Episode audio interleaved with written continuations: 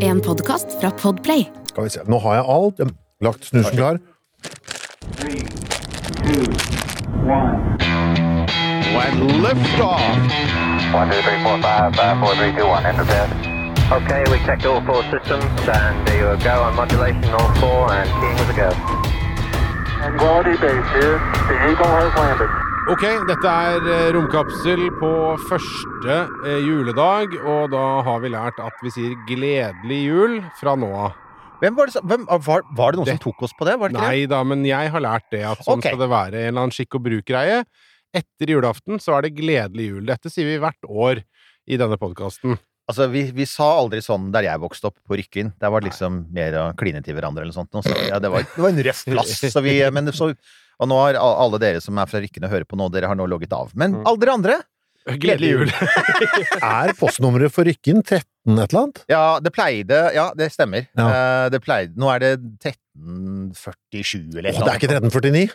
Nei, for 1349 pleide det å være. Det er helt riktig. Deilig.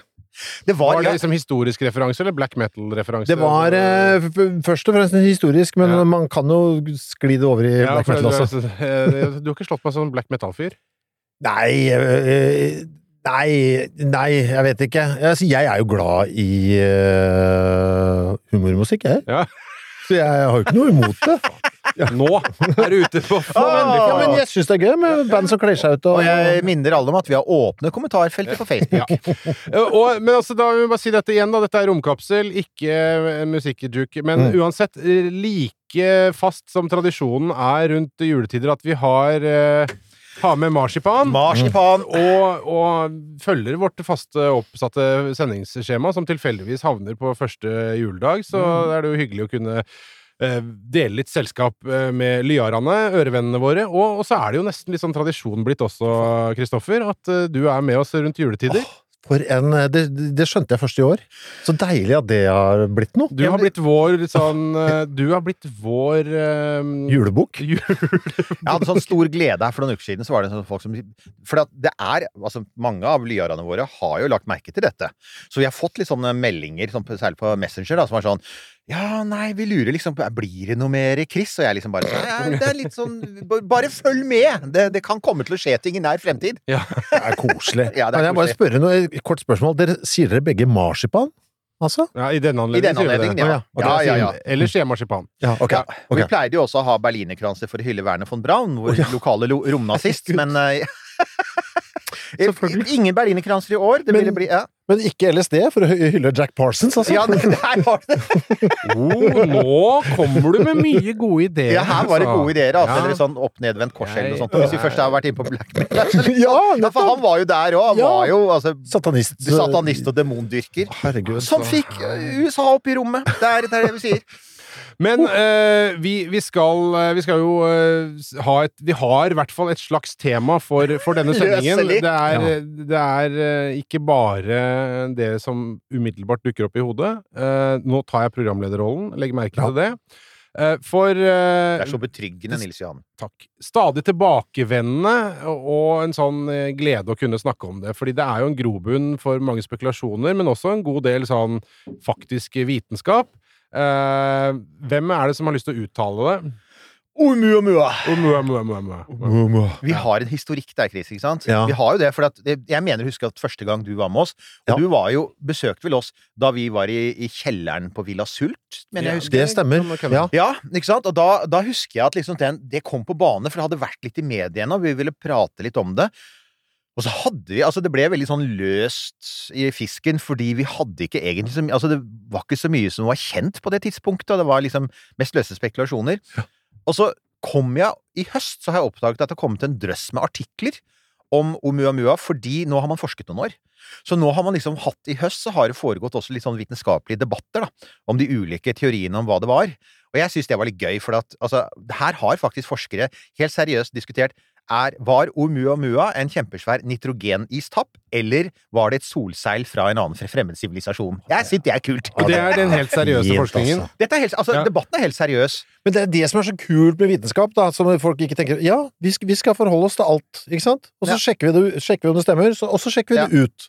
Men det betyr ikke at vi nødvendigvis tror på det. Vi skal sjekke muligheten. Ikke sant? Og det er der en del av de folka med aluminiumsfolie på huet s- surrer til litt. Ja. Oppgaven vår er å sjekke alt, og så holder vi døra åpen hvis det ikke er motbevist. Så Jeg tenker det samme. Altså, det, har, det er en ganske stor kontrast, for dette året har det jo også nok en gang vært litt sånn der eh, ufo-baluba i USA. ja. eh, i forbindelse med kongresshøringene. Jeg mener å huske at en viss podkast vel mer eller mindre spådde at det kanskje ikke kom til å skje så mye mer av det, for det hørtes ut som mer av det samme gamle, eh, og det har vært veldig stille etter det. det ikke, folk sa ja, nå kommer det på rekke og rad, de store avsløringene, ikke sant. Nå får vi jo egentlig vite det, og så viser det at det gjør det jo ikke. Og det er ikke overraskende, for sånn har det alltid vært med ufo. Men her er det altså, kjære Oumuamua, er litt annerledes, fordi eh, altså den derre teorien som folk liksom er liksom sånn mest opptatt av, da. eh, Dette med at det kanskje kan ha vært et eh, dødt romskip, da. Mm. Det er litt som sånn der, eh, det, altså, eh, Blindpassasjer, den klassiske NRK-serien, husker du den? Hvor de finner det der drivende romskipet gjennom verdensrommet. Det er litt sånn jeg ser det for meg. Aldri vært reddere som barn Ja, ja, ja, ja, jeg så den. Ja. Ja, ja. Ja, altså du Ok, ja. Ja, det tror jeg. ja. Det var, jeg har to fryktopplevelser fra barndommen. Uh, tre som stikker seg ut. Det var den. Uh, det var TV-dekningen av at Shana av Iran ble styrtet, og de oppdaget noe gravkammer og sånn. Og så var det han eh, selfangeren på Dagsrevyen som klubba selbabyer i hodet med hakkapikk. ja. De var de, Det er de tre tingene som stikker seg ut fra 19, eh, midten av 70-tallet for meg. Veldig forskjellige ting. Ja, men veldig, jeg var redd for alle. Ja, ja, jo, men altså, man skal være ja, ja, men jeg kjenner, jeg kjenner igjen det der. Absolutt. Men hva vet man nå da om Oumuamua etter at man har Var det riktig uttale? Ja, Ja, det, etter at man har forska en stund på det? jo, nei, altså Det ble jo altså, bare for å ta en sånn recap, da. Den Mm. ble oppdaget i 2017. eh, Da den allerede var på vei ut av solsystemet. Og man visste med en gang at det var annerledes pga. farten. For den fløy så faderlig fort. altså Den hadde en fart på noe sånt som 80 km i sekundet. Det er 300 000 km i timen. Uh, og da, altså, en satellitt i jordbane er 27 000 km i timen, så det er mer enn ti ganger raskere enn en satellitt. Og mye, mye raskere enn noen rakett vi kan liksom skyte opp da, og sende ut. Så den fløy jo i superfart for, utover i solsystemet. Og man klarte, fordi man oppdaget den så seint, så fikk man ikke sånn supergode data. Det var ikke sånn at du fulgte den tett i måned etter måned med alle slags instrumenter. Så man sitter med et sånn ganske lite sett med, med data, men um, det man da veit, er jo blant annet at den, altså, den beveget seg fort. Vi visste at den ville fly ut av solsystemet. Det betydde da automatisk også at den kom fra utsiden av solsystemet, så det var et interstellart objekt. Mhm. Så den har helt klart kommet fra et annet solsystem, det er man nesten helt sikker på. Så enten det er naturlig eller kunstig, så kommer den fra et fremmed solsystem, som er kult. Veldig sjelden.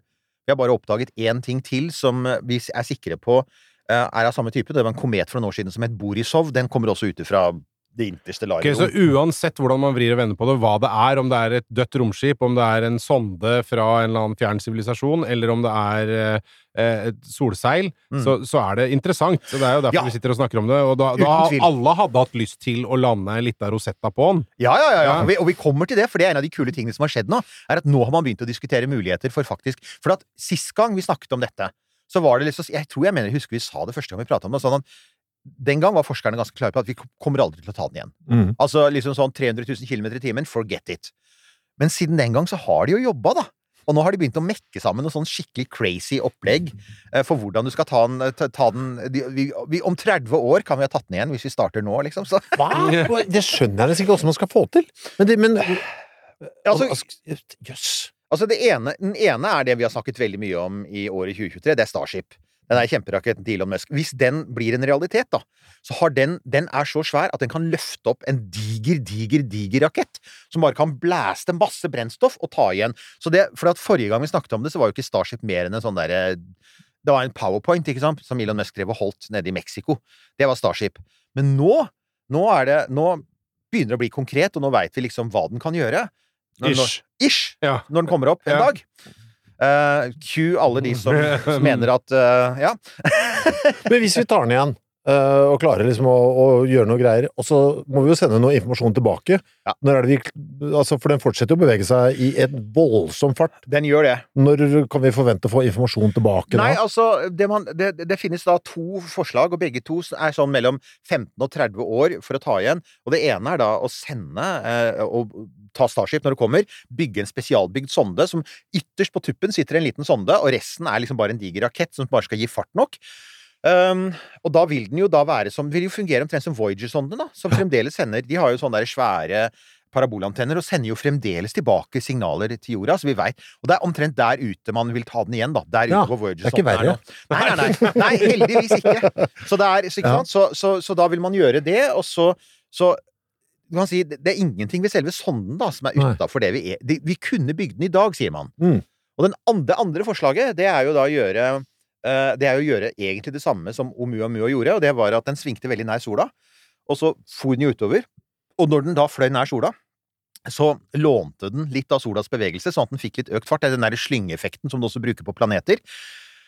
Så det man tenker er så det har faktisk vært foreslått nå noen forskere sier at vi behøver ikke svære Starship. Vi, det vi behøver, er å få en sonde som faller inn mot sola, og så bare styres, og som går rundt sola så tett innpå at den da svinger rundt sola i samme retning som Oumuamua. Så samme type bane. Mm. Eh, og da vil den på et eller annet tidspunkt ta den igjen. Eh, det kule med den sonden da, er at først så skal den innmari nær sola, med andre ord den skal tåle tusenvis av grader, ikke sant? I, ja. Og så skal den til det kaldeste stedet. Den skal til minus 270 grader, det ikke sant, iskalde universet der ute. Så det blir jo i så fall en, en kul ting. Men, men, men ja, det diskuteres seriøst, fordi dette objektet er såpass rart. Altså, det er hva det man sa eh, Det er veldig blankt, blant annet. Det er blankere enn en komet. Eh, det, det, har, det er veldig forskjell på lysstyrken, sånn 15 ganger sterkere når det er på det sterkeste.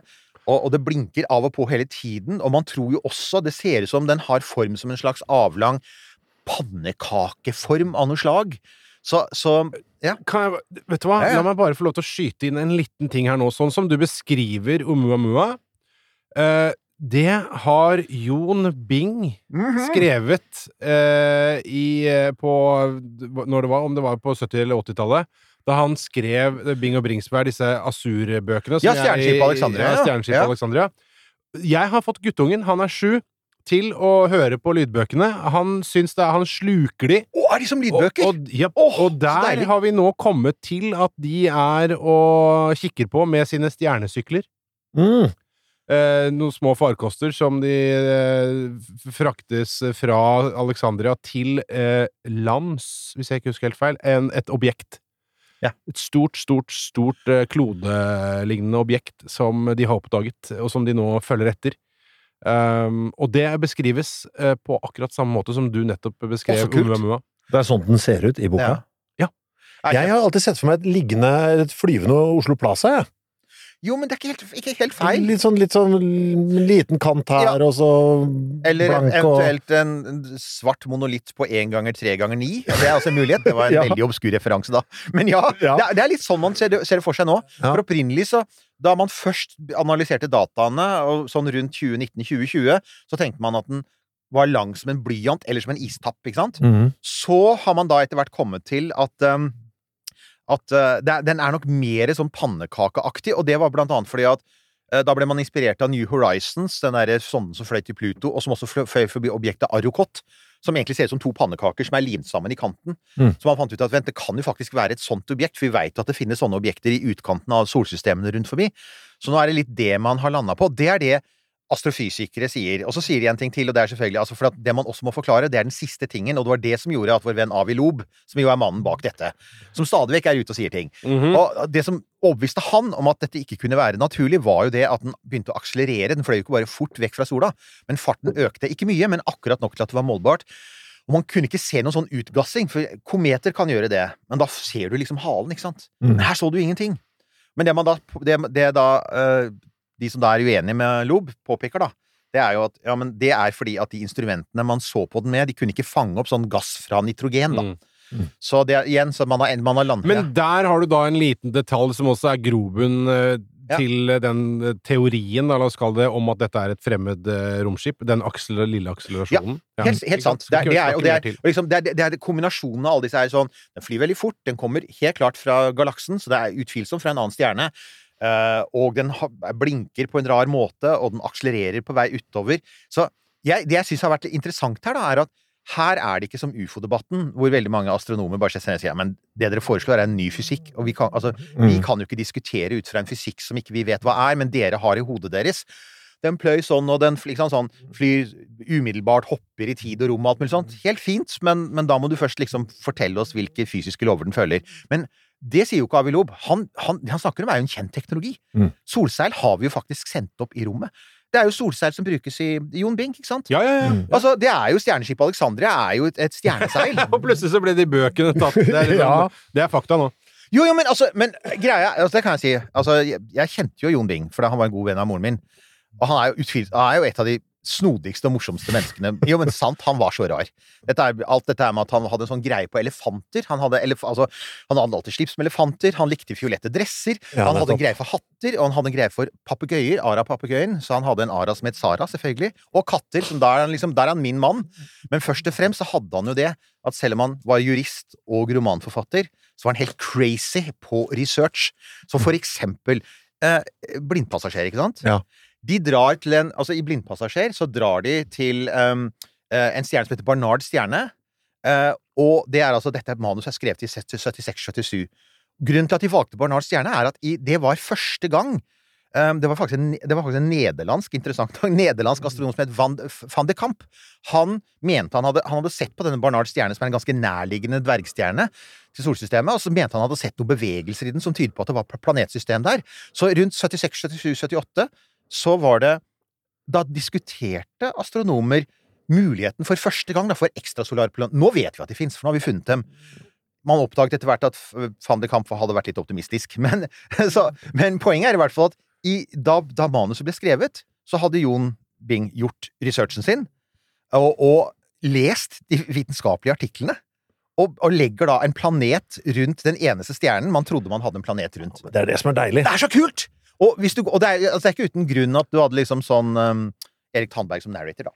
Ja, ikke Ikke sant? sant? For det var liksom den, han var jo liksom det faglige sånn Å ja, når, når, når Tandberg øh, kommenterer filmen, øh, serien, da ja.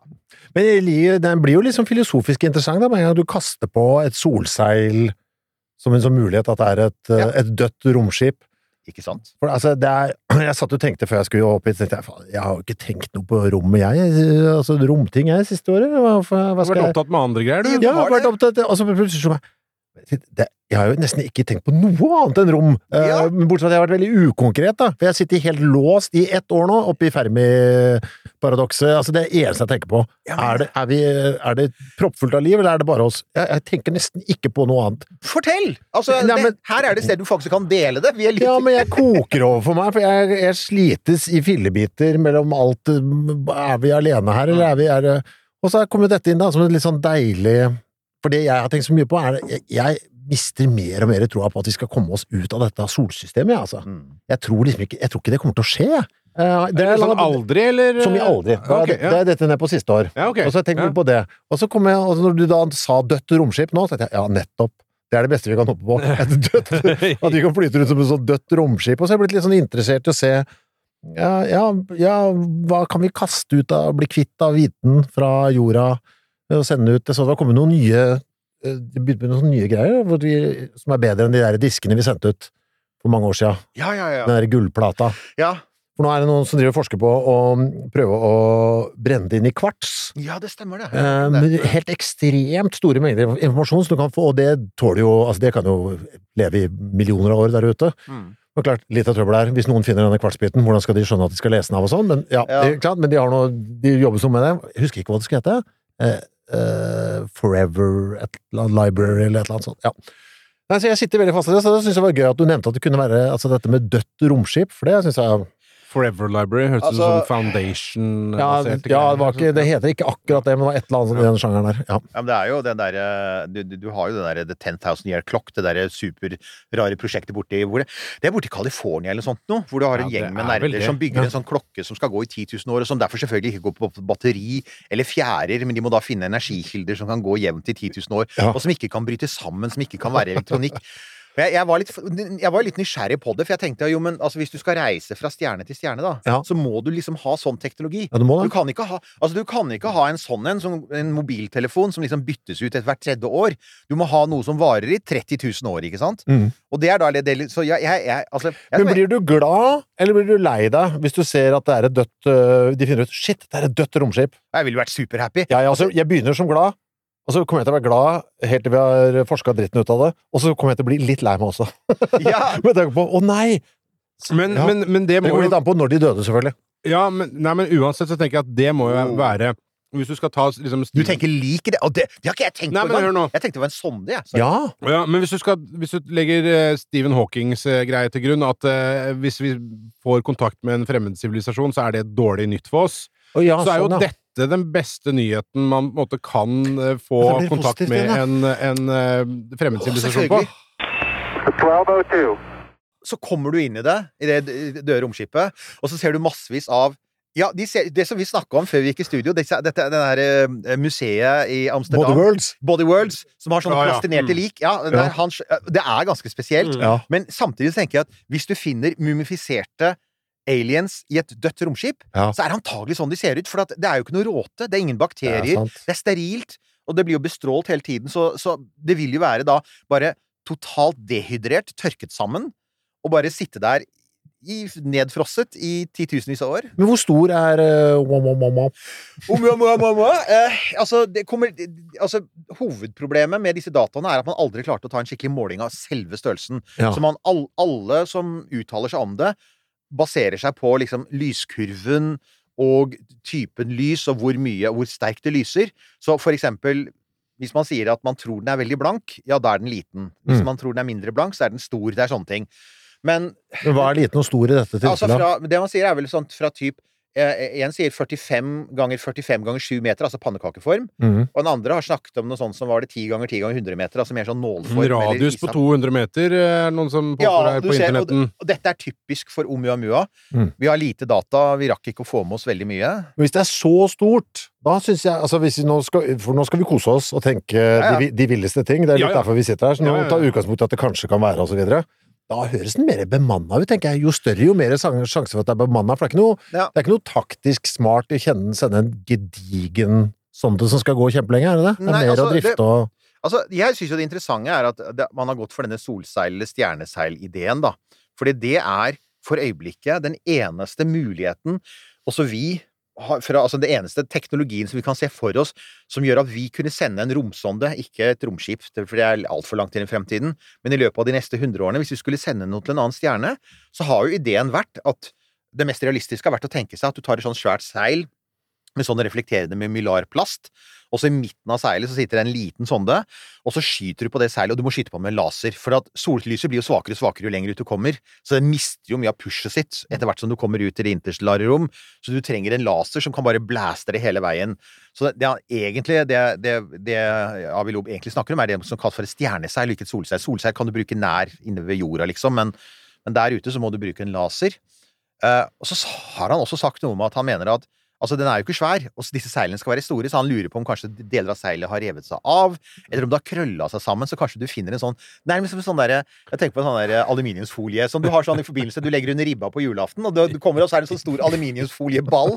Kanskje det er det. Who knows? Her er vi nede på detaljnivå i de Men- rare teoriene. Men vi, eh, da må du jo skru Men hva, hvordan forklarer vi den voldsomme akselerasjonen da, hvis solseilet er gått uh, ad undas? Nei, altså han mener at det er nok til å gi Altså, den er ikke voldsom, da. Nei. Den er målbar, men den er ikke voldsom. Han mener at det er nok Altså, den er ikke så bretta sammen. Altså, det, det, Ja, det er litt han, igjen. han mener at det fremdeles er flatt, men at det er mye mindre enn det opprinnelig var. Men kan vi tro at akselerasjonen kan ha kommet av noe annet, da? At den har vært en liten spinn rundt altså Sånn som vi snakka at vi kunne gjøre med vår egen sonde, spinne rundt sola? At det kan liksom fått fart via et, et av Ja, sørene? altså, det, det, altså når du har kommet Når du har fått drahjelp av sola, Mm. så har du høyere fart, men det er jevn fart. Mm. Så at det akselererer, betyr at du må Det er et eller annet som, som må gi Som tilføres, ja. Og da kommer vi til favoritteorien til astronomene, som er igjen nitrogen. Mm. Uh, nitrogen som er mye av Vi sitter jo og puster det nå, ikke sant? Så det er veldig mye av det der ute. Og da man fløy forbi Pluto for noen år siden, så oppdaget man jo at Pluto består veldig mye av frossen nitrogen. Nitrogenfjell, nitrogensjøer.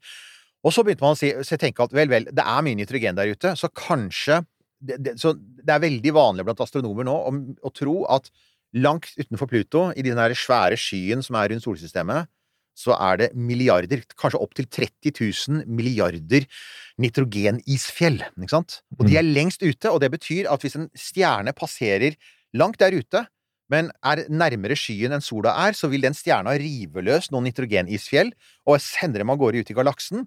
Så den, de fleste astronomer har landet på teorien om at for noen millioner år siden så var det en stjerne som passerte nær en annen stjerne, og så rev den med seg noen, noen av nitrogenisfjellene som går i bane, og sendte et av dem i retning av jorda. Og det er det vi ser. ja. Og da havner man jo egentlig Altså, vi, har jo, vi vet jo ikke sikkert. Altså, du kan ta de samme dataene, fordi dette er vitenskap, da. Det er samme data, to forskjellige teorier. Mm. Så hvordan er det du da skiller, da? Og da kommer vi jo til en sånn, den, den lille godbiten her, og det er sånn eh, eh, Altså, vi har jo stadig folk som er opptatt av studiepoengene våre, ikke sant? Ja. Ja. Kan jeg si at det nå kommer et studiepoengøyeblikk? Ja. Så folk ikke, ikke bli trigga, folkens, men nei da. men det er enkelte som, som er litt opptatt av det. Um, nei, altså, jeg husker jeg, jeg har jo studert astrofysikk, men det første jeg gjorde på universitetet, var jo å ta forberedende, ikke sant? Uh, har noen av dere ja. Du har det? Jeg har tatt uh, X-fil, ja. og? X-Fac. Nei da, nei da. Der ser du! Det var det jeg fikk med meg på Blindern. Ja, nemlig. Så jeg tok jo det, jeg også. Og da, jeg, jeg, syns, jeg syns det var ganske gøy, jeg. Og en av de tingene jeg da lærte om, var dette her om altså vitenskapsfilosofi. Altså hvordan vi forskere lærer seg å tenke. Altså, du, du tenker jo ikke helt tilfeldig. Du har jo en sånn derre en sånn verktøykasse. Hører du det, Chris? Du tenker ikke helt tilfeldig. Nei, nei, men Det jeg, har du lært. Du har, har du lært det? altså, jeg, jeg får jo studiepoeng nå, jeg. Ja. Ja, ja ikke sant? You came here to be schooled, ikke sant? Er det Oxums Racer du skal til? Ja! Oh, der var det! Jeg hadde, jeg hadde det på følelsen. Ja, det er dit du skal. Og vet du hva? Nå avbrøt jeg bare for i håp om at jeg skulle få noen studiepoeng blant lytterne. Ja, men det, du får det. Studiepoeng og studiopoeng. Studiopoeng Der, ja, absolutt. Ja, men det er jo, sant, Hvis du har de to teoriene, så er det jo det, da. Altså, se hvilken er mest sannsynlig. kan ikke sannsynlig. du bare, nemlig kan ikke du bare si sånn Og jeg er sånn Uff, det var dårlig gjort. ja, men det er vel hvis du har to scenarioer, eh, Ja. og ett er mer sannsynlig enn det andre, Ja. så gå for den. Ja. Det var sant? sagt på en veldig dårlig måte. Ja, altså, det, ikke sant? Altså, Si det med poeng. altså Occams Racer eller Occams rakekniv. Vi hadde en Ja, eh, ja. foreleser som var veldig opptatt av å si det på norsk. Mm. Barberkniv av den Mm. gamle typen. eh, som jeg for øvrig Jeg har aldri bar blitt barbert. Har du? Er det sånn som det der? ja, jeg har, Jeg, jeg har gjort det. Det er, det er skummelt, ja. ja, jeg syns det er litt Ja, Særlig altså, når jeg de er holder på nede ved halsen her. Syns jeg er ekkelt. Ja, altså, jeg, er jeg er normalt en tillitsfull mann, med liksom ideen om at noen har et Mm. Regelrett drapsvåpen på Jeg, jeg Ja. foretrekker Jeg bruker det på barten. Min egen bart. Ja, du gjør det? Men jeg bruker, da kjøper jeg på- på normal for eh, 9,90 per stykk. Sånn som eh, 14 år gamle jenter bruker på øyebryna. Og så tar jeg barten med det. Ja. Det var årets tips, folkens. Ja. For de av dere som okay. har bart. Ja. Jo da, nei, så Occums uh, Racer eller Occums rakekniv er da, som du sier, det er en måte å skille når du, når du liksom To teorier, begge egentlig kan forklare noe du ser. Hvilken av dem bør du velge? Og Ockham var en britisk munk for, i middelalderen. William Ockham. Og han brukte det nok mest på religion, altså når du hadde religionsdiskusjoner. Ja. Men det er liksom blitt stående, da. Og det er jo blitt veldig mye sånn, ikke sant. Altså det brukes mye diskusjon om, om, om Gud eller ikke Gud, ikke sant. Da kommer den ofte opp. Men det, den enkle versjonen her, sier jeg at det enkle, det enkle er det beste. Ja. Apropos det, hvis det sitter noen fra Rema og hører på, så vi tar, vi tar Ja, det. vi tar den, vi. Og vi kan gjerne ta legge inn en liten sånn Occams Racer-referanse til dere der. Som at det kutter prisene og noe sånt. Ja, ja, at de ja. kutter. Mm. Nemlig. For det er det det er, ikke sant, som du sier, når du har to, teori, når du har to forklaringer, så bør du gå for den som har liksom færrest støtteforklaringer. Ja. Uh, og hvis du da setter dem opp mot hverandre, da, så har du den ene som er sånn Masse nitrogen i universet, klumper seg til isfjell, av og til faller et isfjell inn mot sola og suser forbi. ikke sant? Mm. Den andre er et eller annet sted der ute er det en planet. På den planeten oppstod det liv, og det er bare sånn i, i, i, i, i. Ja. Ja, ikke sant? De bygde solseil, noe gikk galt om bordet der. Ja, ja, Eh, De hadde ikke med seg nok Nå er de eh, mumifiserte. Ja, nå er de mumifiserte, men den er så mye kulere! Ja, men, det, men, det, må- ja, men det er Det kommer noe godt ut av eh, fantaseringen også. Ikke, altså, for det første så kommer det god litteratur ut av det, med boka til Bing og sånn. Ja, ja. Men så kommer det noen ideer, da. Fader, og mye av romtingene og sånn, som har blitt inspirert av litteraturen og, og fantasien, Ja, for et liksom. eller annet sted må du jo starte Ja. å, å utvikle de eh, Så mer eller mindre crazy ideene. Du må begynne med blanke ark og en eller annen brainstorming. Ja, så det er lov å ha to ting i hodet. Det er lov å tenke, vet du hva, jeg skal kose meg med dette og leke meg med det, så, kan- også, men erkjenne at vi nå koser og leker vi oss med det, og så holder vi det en sånn 5% åpent for at det kan være et romskip. Det er jo det viktige med denne rakeknivgreia, da. Mm. Er jo at den sier jo ikke at det enkleste alltid er det sanne. Nei. Den bare sier at hvis du skal jobbe med det som forsker, så er det en god idé. Og det er sant! Mm. Altså, du, hvis du skulle liksom begynne For der har Avi Loeb, som fremdeles holder på at dette her er noe fra en sivilisasjon, der har han en utfordring, og det er at det er jo han som skal bevise teorien sin. Ikke? Mm. Det er som i retten. Mm. Det er den som påstår noe, må også bevise det. Og da har han mye mer å bevise enn de som sitter med nitrogenisfjellet. For han må jo da for det første begynne å Altså, han må finne liv i universet. Det har vi ikke funnet ennå, Mm. dessverre.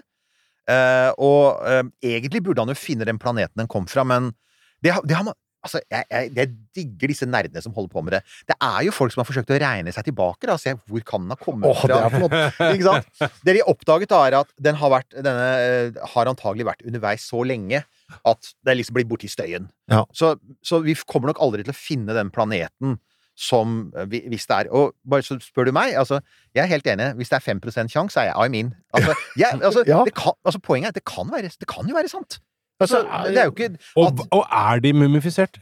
Eller ikke? Mm, mm, mm. Bare tilsynelatende? Og Og så er det er det? Stasis? Jeg syns det er litt interessant, det der det, den, det er litt søtt òg, da, at mennesket tror at vi skal få svaret på alt også. Eh, Fordi det, det, vi har kommet så langt at vi tror at alt skal løse, la seg løse og bli uh, forklart. Mm. Og så må, vi må liksom godta vet du Det er et par ting vi ikke kommer til å få greie på, men det betyr ikke at det automatisk er noe koko som har skjedd. For det, det er jo sånn det gjerne er nå, syns jeg, i vår tid. da. At folk Ja. liksom, nå skjer det, å, ting, det skjer noe uforklarlig, da må det være noe helt spinnvilt som har skjedd. Mm, det kan hende det er noe veldig kjedelig som har skjedd også. Ja. Kom, det er så mye rart som skjer hele tiden, overalt, at du, du får ikke svaret på alt, altså. Nei, altså, Hvorfor er det pepperkakekrise i Norge? Hvorfor er det pepperkakeshortage akkurat nå? Jeg synes det er litt deilig... Det er ikke fordi smurfene at har kommet til live og blitt Ja, ekte. og Ja, og spist alle pepperkakene. Nei, Eh, nei, nei, ikke det. nei, nei men ser du Ja, ja, ja. ja. Men altså, eh, det er jo litt deilig at det er noen sånne ting som bare Ja, sånn er det. Det får vi ikke løst nå. Nei. Det er litt deilig. Det kan hende vi får gjort det, selvfølgelig. Ja, det kan hende. Ja. Altså, jeg syns jo det morsomste med hele greia var at takket være at tross alt dette ble tatt seriøst, Mm. og folk satte seg ned og sa vel, mest sannsynlig er det et nitrogenisfjell, men vi kan ikke utelukke at det er noe annet, og at det faktisk er noe kunstig, så har jo da også igjen helt seriøse folk, og ikke liksom disse her uh, folka, har jo satt seg ned og sagt hvordan Ok, gitt, hvis det er 5 sjanse, da. Da Mm. er det faktisk verdt å investere penger i å sende en sonde. Hvordan skal vi gjøre det? Mm. Og nå har vi, som vi var inne på tidligere her, nå har vi altså faktisk to helt konkrete ting som, som alle som jobber i romfart sier, ja, men dette går an. Spørsmålet er selvfølgelig hva det å skaffe penger. Ja. Men det går an. Men jo, og, og, og igjen, da, så for, fordi at det uansett hva det er, så er det interessant å finne ut mer om det. Så Ja. derfor så er det verdt å gjøre det. Mm. Og være seg om det er et nitrogenisfjell eller et solseil eller en, en pyramide i verdensrommet med døde faraoer inni. Så, eller smurfer, for å ha det jeg vet. dette blir bedre og bedre. Og jeg hadde ikke, altså hadde ikke vært for den her Ja, eh, han har folkens. Det er første juledag. Ja, Hadde ikke vært for denne lille klumpen, så hadde ikke jeg hørt om nitrogen i isfjell. Nei, ikke sant? det var det òg. Og- Og så gøy det var. Ja, og, og, og du vet, de tre menneskene de, altså, de, de tre forskerne på jorda som jobber med nitrogenisfjell, har jo hatt en fantastisk høst. det er sånn, aldri har det vært så mange artikler om nitrogenisfjell som akkurat nå. Men Ja. eh, kan, jeg, eh, kan jeg bare Det står en ting i notatene Ja. dine her om eh, Operasjon Plumbob, eh, Eirik. Og det er- Plumbob? Jeg ble veldig, okay, okay. jeg ble det veldig ikke- nysgjerrig. Er det en blanding av Plumbo og SpongeBob, liksom? Ja, altså Ikke sant? Jeg, jeg elsker jo å gjøre research. Og som man, som vet, når du gjør research på noe, så kommer du alltid over et sånn WTF, ikke sant? Hva i alle dager? Fordi jeg tenkte var, jo, men altså, Vi har jo sendt ting ut. Vi sender jo ting til stjernene. ikke sant? Ja. Og vi har sendt fem objekter til stjernene. Og det er da uh, Pioner 10 og 11, sonder tidlig på 70-tallet. Så er det Voyager 1 og 2, som fremdeles er der ute, og vi kommuniserer med dem. Og så er det New Horizon, som fløy forbi Pluto på, for noen tiårs tid siden, og som fremdeles er på vei ut mot stjernene. Og så så jeg da, tilfeldigvis Jeg måtte jo dobbeltsjekke. Jeg tenkte, ja, ja, det sto i Wikipedia, så jeg måtte gå litt videre, da. Og så oppdaget jeg at jo, ganske så riktig. Eh, Det er et mulig objekt til, og det er da Plumb Bob. Og det var altså da eh, Og da må vi tilbake til 50-tallet. Vi må tilbake til sommeren 1957. Når eh, amerikanske militære driver og tester atomvåpen, ikke sant? Mhm. Eh, Fordi de, hadde, de skulle ha 29 atomeksplosjoner mellom mai og oktober 1957. Hvis du tenker på i Nevada-ørkenen, ikke sant? Ja. Jeg, kan jeg, bare si, jeg, har vært, jeg har bare vært i Las, eh, i Las Vegas én gang. Selvfølgelig så gikk jeg på uh, det, det var ja, National, det, Atomic Museum. National Atomic Testing Museum. Bare, det var rett og slett fordi at det litt sånn kjipe hotellet jeg bodde på, lå rett ved siden av. Jeg tenkte bare ja, men det må jeg jo se. Og det var, det var, det var, det var innmari kult. Bortsett fra Area 51-utstillingen, som bare var sånn virkelig sånn dårlige alien-kopier. Men selve museet var jo kjempeinteressant, for der så du blant annet disse Har du sett at de hadde jo reklamemateriell på 50-tallet? Las Vegas var helt nytt, ikke sant?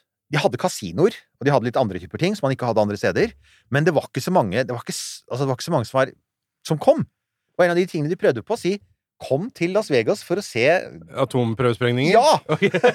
og det er sånn, glade barn som ser ut av vinduet sitt. Der var glimtet, og der er soppen! Ikke sant? Ja. Så de glade 50-tallet. Ja, og røk læra mi, dere for bedre helse. ja, ja, ja, ja, ja. Det er altså i, I forbindelse med Operasjon Plumbob, da, så var det Altså, dette var en underjordisk sprengning. Og så var det sånn ventilasjonsrør som gikk opp til overflaten. Og så hadde man liksom regna ut hvor sterk eksplosjonen skulle være. Og så hadde man sveisa fast et 900 kilo tungt stållokk på toppen av det røret. For å liksom holde ikke så mye stråling. For at liksom tross alt, da Barn bader i bassengene i Las Vegas bare noen kilometer unna. Ikke sant? Så det er, det er, det er ok. Også den gangen tenkte man Dette var før vi hadde bilbelter, folkens. Ja.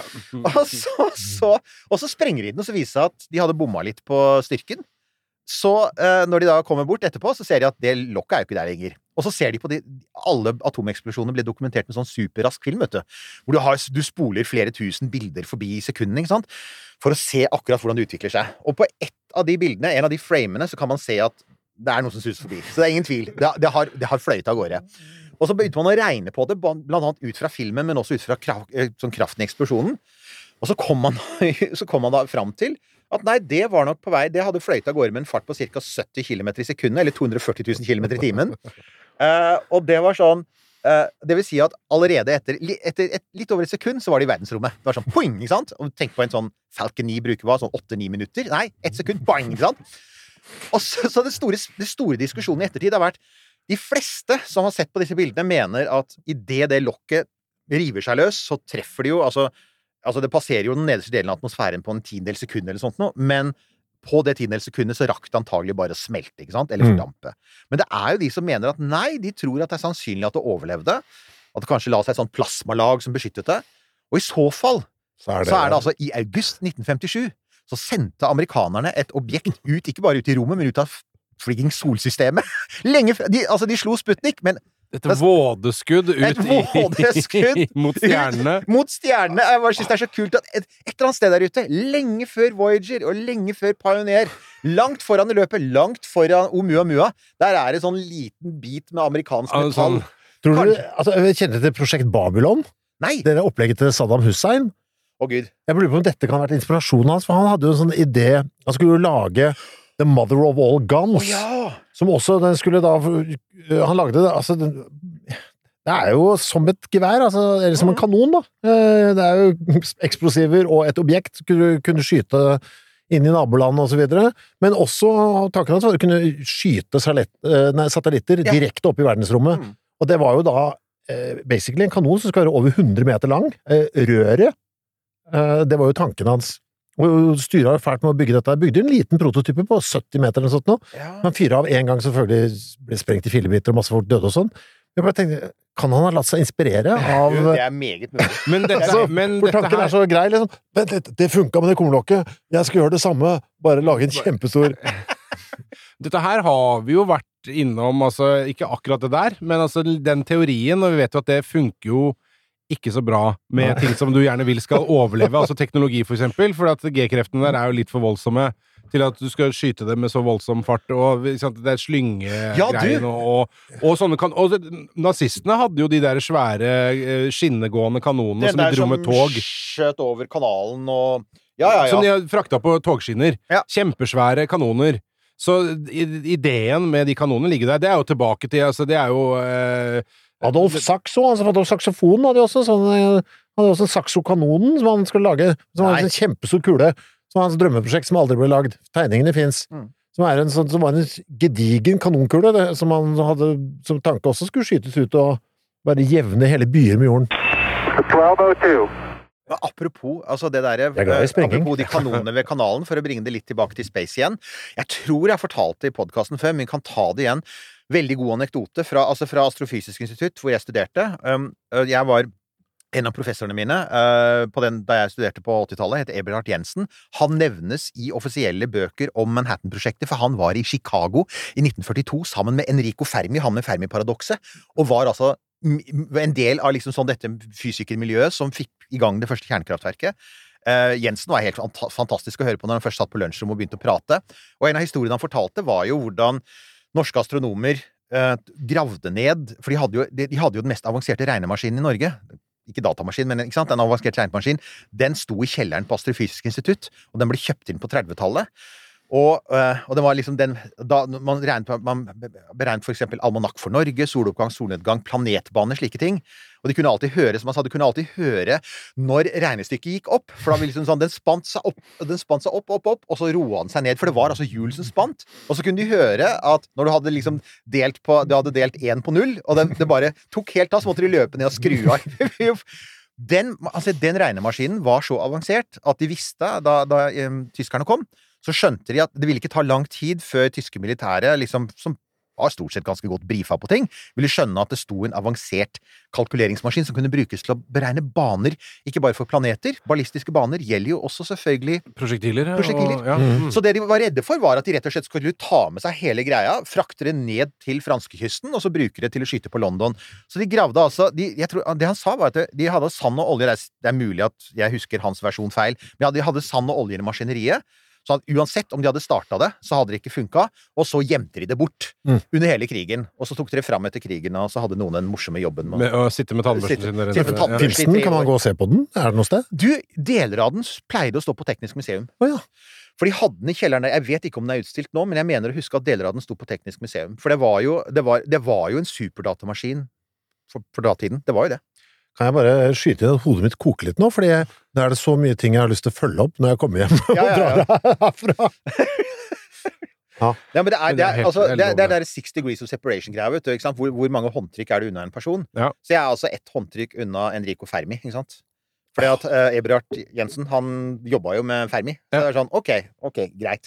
Så det var, det var, nei, det var sånn Det var liksom den siste generasjonen av de som hadde vært med på en del arbeid under krigen, ikke sant? Det var sånn, og de, de, de satt de, Altså, det ble, det ble jo skrevet noen sånne offisielle historier med mange av de beste anekdotene.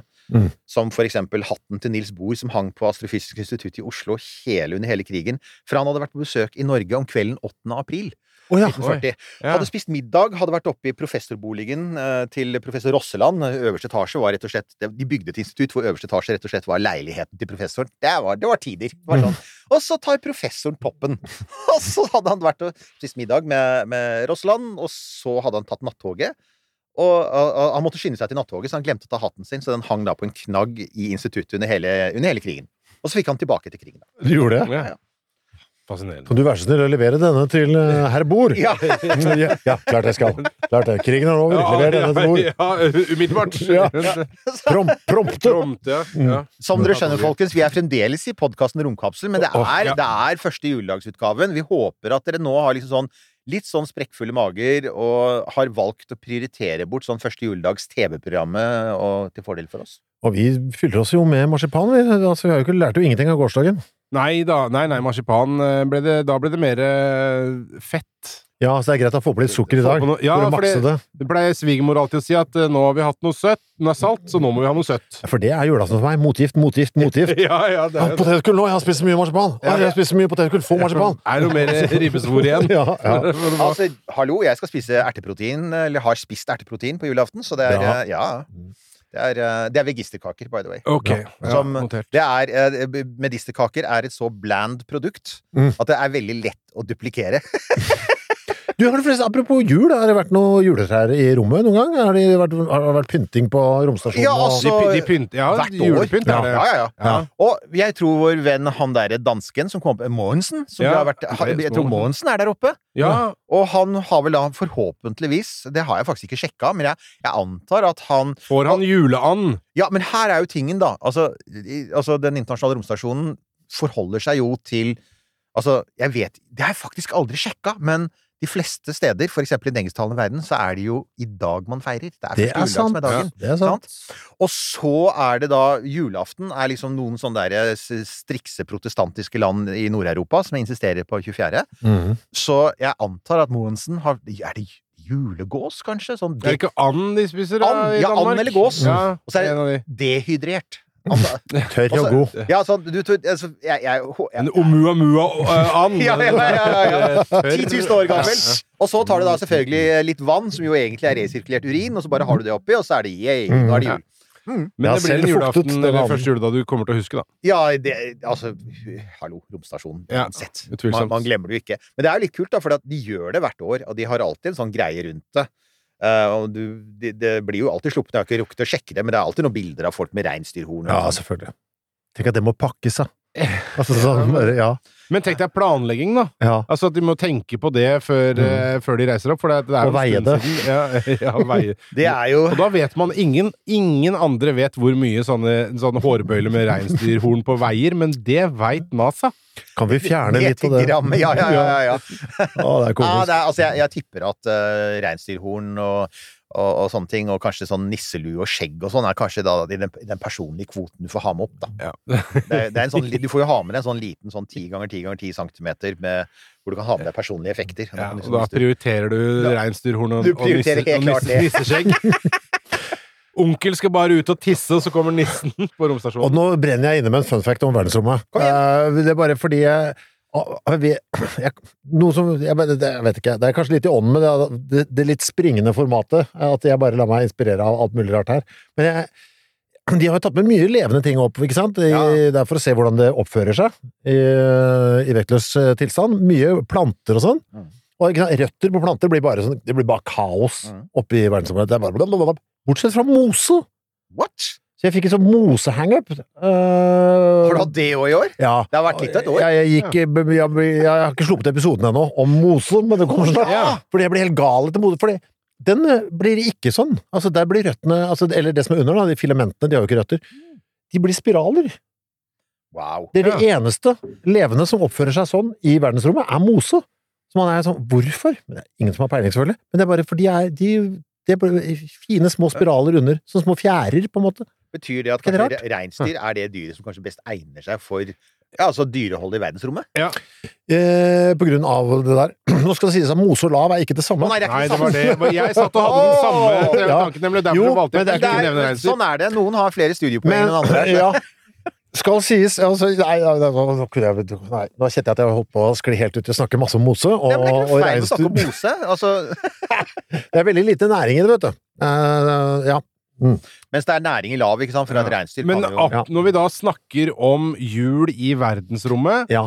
og reinsdyr, Mm. så må jeg bare få lov, kjære Ørven, hvis du ikke har hørt det allerede, eh, gå tilbake eh, i eh, back-katalogen til Romkapsel og finn episoden eh, med Sunniva Rose, hvor det handler om eh, utregningen og regnestykket på beviset på hvorfor julenissen er et svart hull.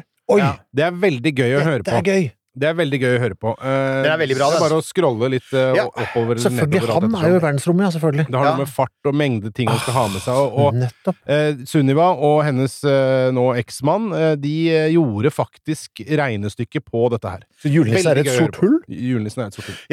Det, er, eh, det var en av våre mer sånn eh, nerdete rambling-episoder, men, men det er altså tradisjon for dette. Mm. Så i og med at det er den dagen det er og sånn, og vi har nevnt space opptil flere ganger. Ja, ja, ja. Men, Elon eh, Musk, der er det sagt. Da har vi en space-episode. Nå er alt von Braun ble ha, ha, ja, allerede nevnt. Ja, Nå har vi gjort, nå har vi gjort vår Men er det en låt på Spotify? 'Santa is a black hole'? For det kjenner jeg Den låta burde bli laget. nå er tittelen er ledig, du kan ta den. Ja, ja, ja. ja. Ja. Santa, Santa is a black hole. For jeg har, jeg har jo også Den, den tittelen kom i stad. Den, du- den syns jeg du kan bruke til noe. Ja. Altså, et vådeskudd mot stjernene. Oi, Jeg syns det var en veldig fin tittel. det høres ikke ut dum, altså. det høres ut Glem som Bob, I'm just saying. Der ligger det noe. Det er jo en diktsamling fra Romkapsel, det. Ja, Det er jo det. jeg, ja. Mm. Jeg bare blir så fascinert av alle disse her eh, rare tingene folk har holdt på med, som har hatt sånne her, eh, totalt utilsikta effekter, liksom. Det er sånn Oh shit! Ble vi akkurat nå en romfartsnasjon? Ikke sant? Men du, nå kommer denne Oma, Oman, tror vi at vi skal forske på den, eller? Tror vi at vi kommer til å se den Er Ja, helt urealistisk? Ja, jeg satt også med det spørsmålet. Ja, og det det handler om, det det koker ned til, er hvor i prioriteringsrekkefølge havner du. Ja, ikke Fordi vi har jo to svære prosjekter som driver og ruller og går, og det ene er månen, Mm. altså uh, Artemis. Som eh, vi kommer helt sikkert til å komme garantert tilbake til eh, i det nye året. Mm, definitivt. Og det er fordi at eh, i 2024 skal de rulle altså, Da skal de begynne å sende av gårde ganske mye sonder til månen. Mange av disse sondene som NASA har betalt for, de skal tydeligvis av gårde i 24.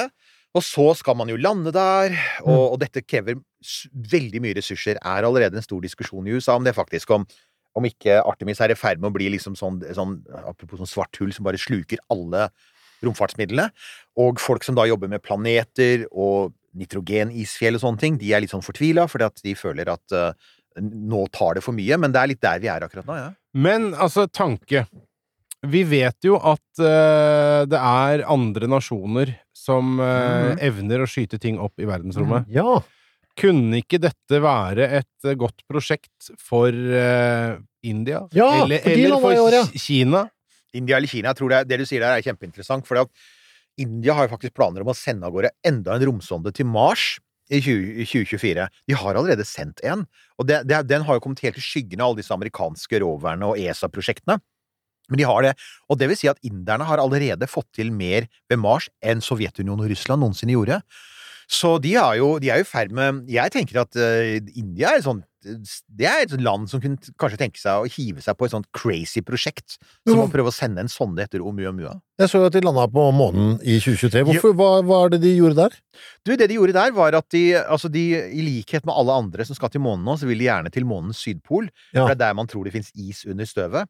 Mm. Så det de gjorde, var at de sendte da Nå husker jeg ikke hva den het for noe igjen, den, eh, den eh, roveren deres, men de landa jo en sånn rover, en robotbil, på månens overflate. Det nærmeste man har kommet til månens sydpol. De sa at ja, vi har landet ved månens sydpol. De var ikke egentlig det. De var på noe sånt som 60 grader sør, som jo er, altså sammenlignet med jorda, det er som Oslos breddegrad. Altså, Oslo er ikke syd, ikke sant? Det er ikke Nordpolen, ikke sant? Mm. Så de var ikke på Sydpolen, men de var det nærmeste noensinne, og de gjorde jo en del interessante funn som tyder på at de finner liksom tegn til vann i, i dette støvet og sånn, så, så det var nyttig. Men Det var suksessfullt, i hvert fall. Absolutt en suksess. Uh, og, og etter det så hadde da den sonden som hadde landa roveren på, på månen, den hadde fløyet tilbake til jorda igjen, som heller ikke har skjedd før. Så, som India aldri har gjort før, og som veldig få land får til. Så India er en maktfaktor, altså. Jeg synes det er en kul tanke, da, hvis det er hvis folk kan liksom bare spre At det ikke blir sånn konkurranse... Ja. Vi skal være først til den og den, men at de bare Å, den er ledig! Da tar jeg den. Ja, for jeg tenker, altså, den er jo beviselig ledig her nå. Så Ja, den er det. this is Ja. a call to action. Ja, egentlig, for at hvis, hvis, hvis vi i tillegg kan hekte på at dette jo egentlig også handler om å utforske de ytre delene av solsystemet mm. Du kommer jo til å fly gjennom alle disse her isobjektene som er der ute. Så, så, så tror jeg egentlig at du har en case, men igjen, det koker dette penger, fordi det er jo 2024 blir et veldig aktivt år i rommet, ikke sant? Med mange romsonder, og eh, med bemanna romfart, og med Starship, og med masse andre aktører som skal i gang med ting. Så det jeg tror er vel at det for øyeblikket ikke er penger nok i systemet. Men plutselig så kan det hende at en fyr for eksempel plutselig finner Jeff Bezos, da, eller en annen tilsvarende rar riking. Altså, det er Branson trenger et nytt prosjekt. han gjør det, altså. han fins fremdeles. Ja, han finnes fremdeles. Ja, det gikk dårlig med han i 23, da. Han har jo måttet, han har jo måttet legge ned store deler av virksomheten sin i rommet. Ja. Det gikk jo ikke. Uh, men eh, altså, ja, det, det er så ja, Vi får krysse fingrene for at noen, enten noe statlig eller noe privat, bare sier sånn Ja, men vet du hva, dette her er såpass kult. Og det vil jo være et sånt derre Er det et signalprosjekt? Altså, det vil jo være sånn derre Alle vil jo følge med på det. Mm. Sånn, så sånn, hva, for, tenk deg liksom når den begynner å nærme seg, ikke sant? Hva finner vi, ikke sant? Finner vi solseilet, eller finner vi uh, Finner vi Mu- Mumin. Ah, finner vi Mumiene? Og så er det litt, det er litt kule hvis forskjellige nasjoner jobber med forskjellige destinasjoner, at det blir det av seg sjøl litt forskjellig teknologi som må utvikles òg. For det er andre krav til du, hvor du skal. Så kan du sånn Ja, og det er jo det, du er inne på noe annet viktig der, og det er jo egentlig at en ting som Altså, vi, også til neste år, da, så skal det jo sendes flere ting til Jupiter. Eh, NASA skal jo til Europa, ismånen, som de skal jo en gang for alle kartlegge dette havet under isen, ikke sant, som de er helt sikre på er der. Men det er jo en ting som er ganske spesielt, da.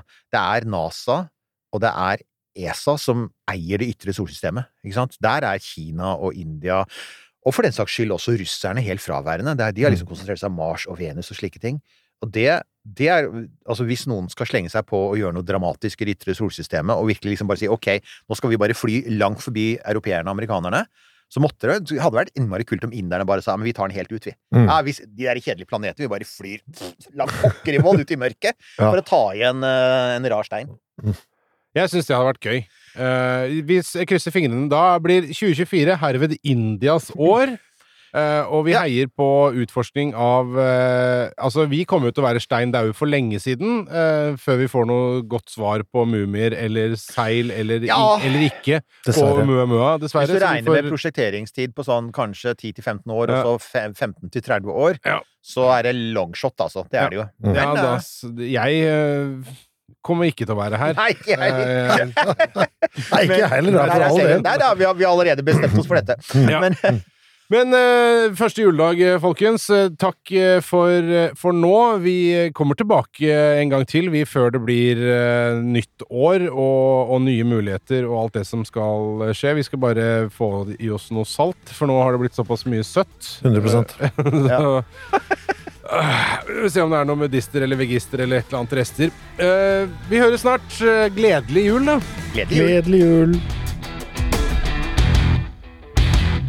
jul. Du har hørt en podkast fra Podplay. En enklere måte å høre podkast på. Last ned appen Podplay, eller se podplay.no.